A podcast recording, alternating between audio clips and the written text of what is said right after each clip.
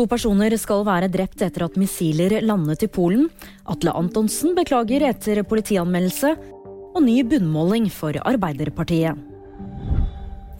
To personer er drept etter at to russiske missiler skal ha truffet en landsby i Polen nær den ukrainske grensen. Det melder flere polske medier. Den polske regjeringen har kalt inn et hastemøte i landets nasjonale sikkerhetskomité.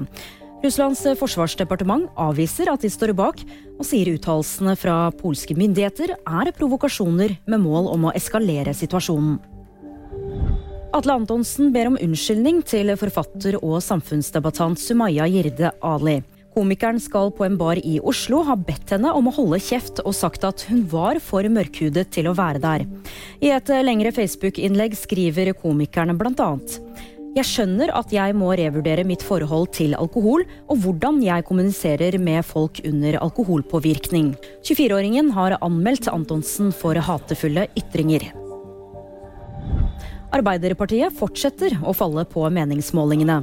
I VGs ferske partibarometer får Ap en oppslutning på 18,5% I tillegg så viser tallene at Høyre stikker av med nesten 200 000 av Aps og Senterpartiets velgere. Det var VG nyheter, og de fikk du av meg, Julie Tran.